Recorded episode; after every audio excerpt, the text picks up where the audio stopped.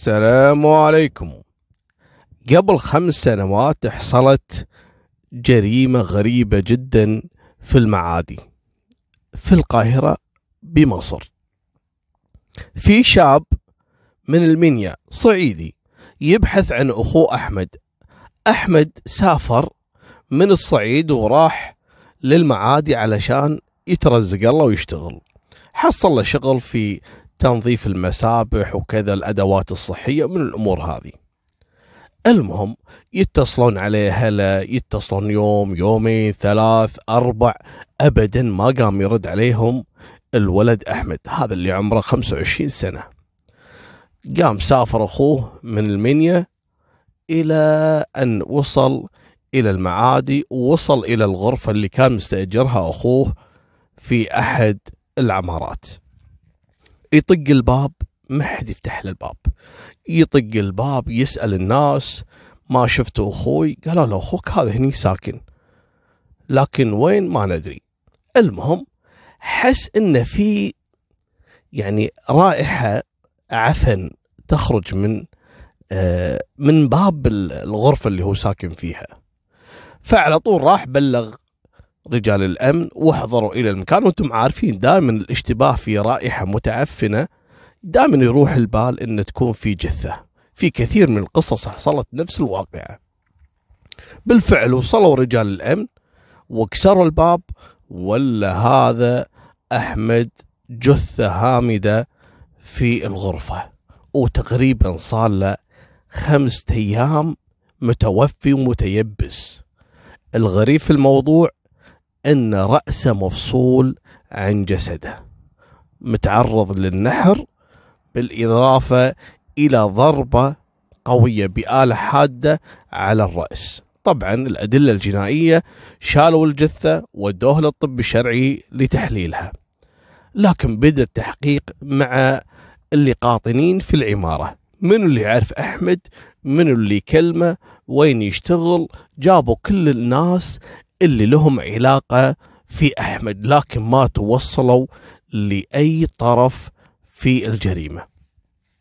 أحمد شنو قصته؟ منو الشخص اللي له مصلحة إنه يقتله؟ أحمد رجل فغير حتى ما عنده فلوس عشان واحد والله يعني بداعي السرقة إنه يدخل عليه ويقتله ويأخذ منه ما عنده أي شيء. رجل يدوب وصل من الصعيد إلى المعادي علشان يترزق الله. هني بدت يعني التحقيقات تتوسع. أحمد شنو الهدف؟ إن واحد يقتله طبعا راح يعني آه، التحريات في البداية راحت إلى إنه ممكن يكون في ثار. بدوا يحققون مع أهله في الصعيد. اهله وعيال عمه هل عندكم ثار؟ عندكم كذا؟ وأنتم عارفين الأمور اللي تحصل مرات في الصعيد. لكن كذلك هل الشكوك هذه ما كانت صحيحة؟ أحمد ما كان له أي عداوة أسرته ناس محافظة وعلى باب الله وما عندهم مشاكل. تعقدت الأمور. بدوا عاد يحققون في المنطقة اللي كان ساكن فيها أحمد.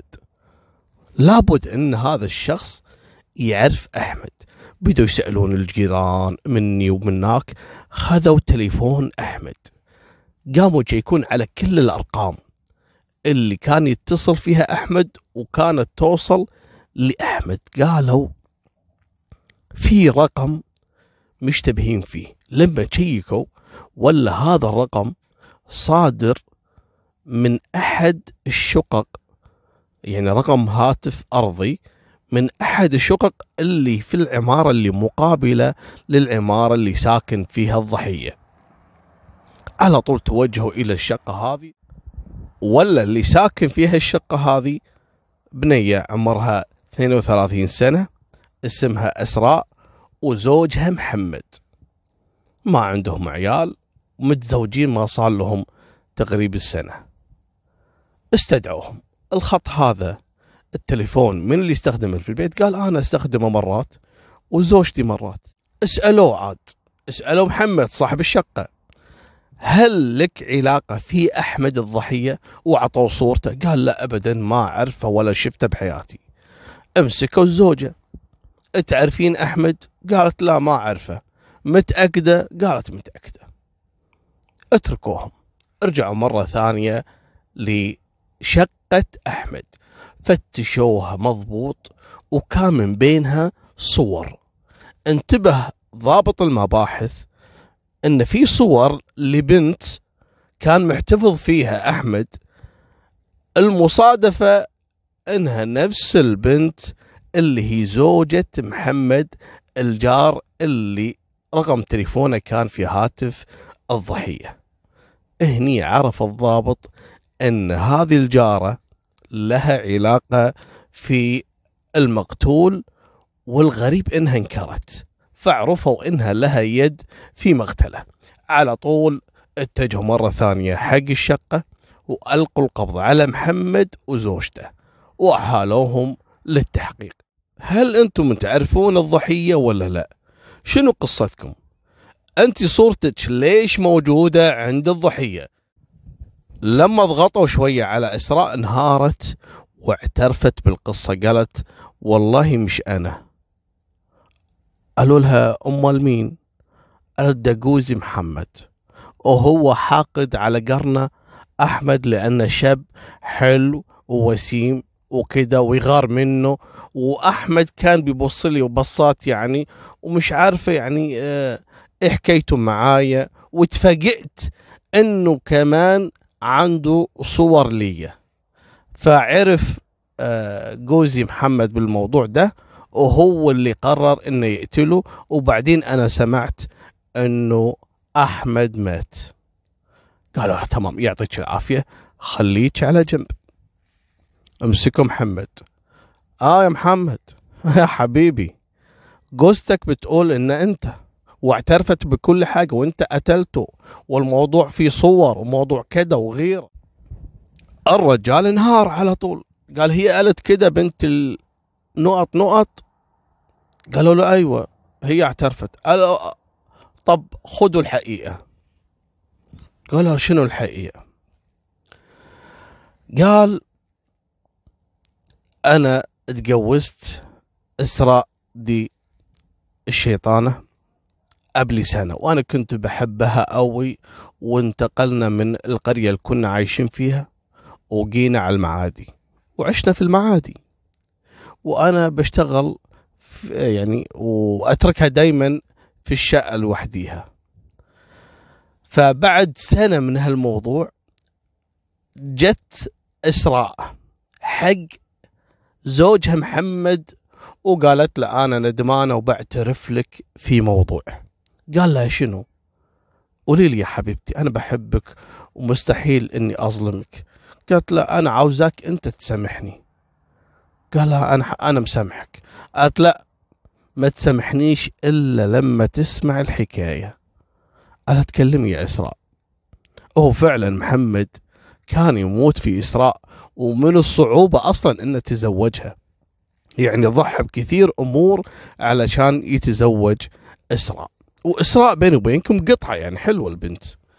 فالولد يحبها.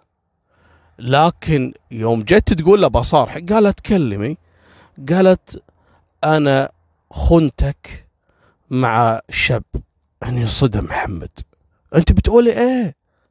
قالت والله وأنا زليت والشيطان ضحك علي ومن الكلام هذا والرجال قام يعصب ويكسر الدنيا يبي يذبحها يبي كذا. بعدين بلع العافية وسكت وحسب حسابها وكذا. هدى شوي وتعوذ من الشيطان. قال لها بصي يا إسراء أنا بحبك ومستعد أنسى الماضي بس توعديني إنك يعني ما ترجعيش للأمور ديت مرة تانية. قالت له والله ابدا ده أنا أحبك. أصلا أنا ما أعرفش أنا عملت كده إزاي. قال لها خلاص أوكي خلاص سكر الموضوع وانتهى كل شيء وخلينا نستمر في الحياة وانت توبي وخلاص وكده. قالت له بس في حاجة تانية. شيطان شيطان يمشي خطوة خطوة خطوة خطوة هذه جته خطوة خطوة. قال إيه كمان؟ يعني في حاجة تانية كمان؟ قالت أيوه. الود اللي أنا بعرفه هو أحمد قرنة اللي ساكن قصدنا قال زين أوكي. قالت أحمد ده عنده صوري وهو بيهددني بالصور وإنه حيفضحني وحيفضحك ومن الكلام هذا ومني ومنك. قعدت تشيش الرجال. البنت طلعت خبيثة. ليش؟ أصلا ما اعترفت له لله في الله ولا إنها تبي تتوب. البنت كانت متعرفة على هذاك أحمد ومعطيته صورها لكن هي أصلا يعني قاطة نفسها على الولد والولد يوم سحب عليها قال لها ذلفي عني وأنت متزوجة فكيني من شرك. تبي تنتقم منه بملعونه الوالدين. راحت شيشت زوجها وقالت له أنا خنتك معاه هي لا خانته ولا شيء هي تحاول تجر الولد. اللي يعني لها والرجال رفض. يوم صدها زعلت وتبي تنتقم منه عن طريق زوجها. تدور الطلايب.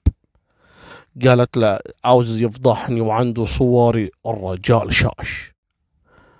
وانت جوزي وانت اللي تحميني. وإذا أنت ما كنتش الشخص والراجل القوي اللي وقف قصادي. مين حيحميني يا محمد؟ قال له أيوه صح أيوه كلامك صح.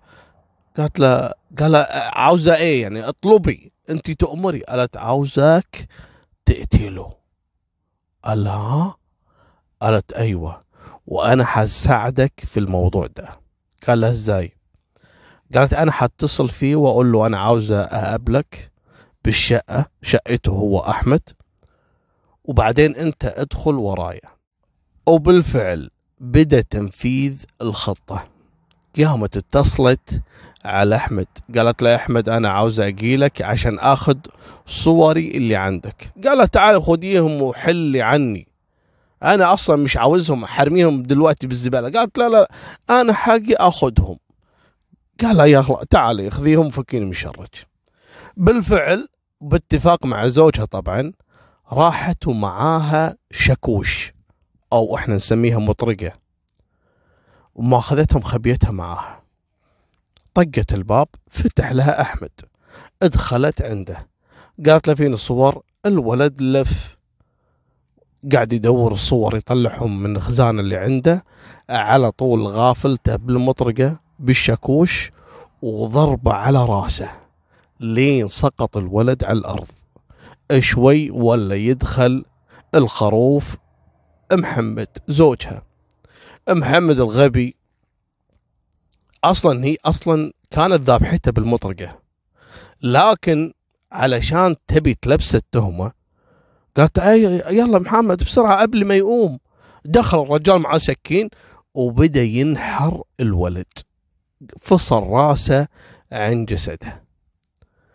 وراحوا طبعا طلعت له الصور فعلا صورها وشافوا متأكد إن كلامها يعني صحيح ومشوا بعد ما نظفوا كل الآثار والأدلة اللي ممكن ترشد عن هويتهم وراحوا بيتهم كأنه ما صار شيء. طبعا هذه كانت اعترافات محمد اللي هو الزوج وإنه شلون راح وقتل الولد.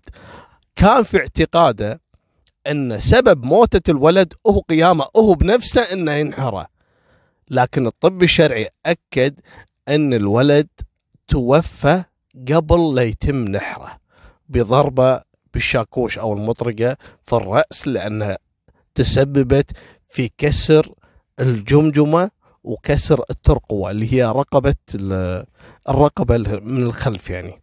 فهذه كانت مميتة لكن دخل محمد وقام يقصب يعني علشان على بنا هو اللي قتل الراجل اللي تحرش بكوستو المهم مشوا وهني انكشفت الحقيقة وتم مواجهة الزوجة في الادعاءات هذه وانهارت واعترفت بكل شيء لكن طبعا هم قطت التهمة براس زوجها انه هو اللي قتل مو أنا أنا ما ضربته. وراحت القضية وتم الحكم على الزوج والزوجة بالإعدام هذه نهاية سالفتنا وفمان الله مع السلامة.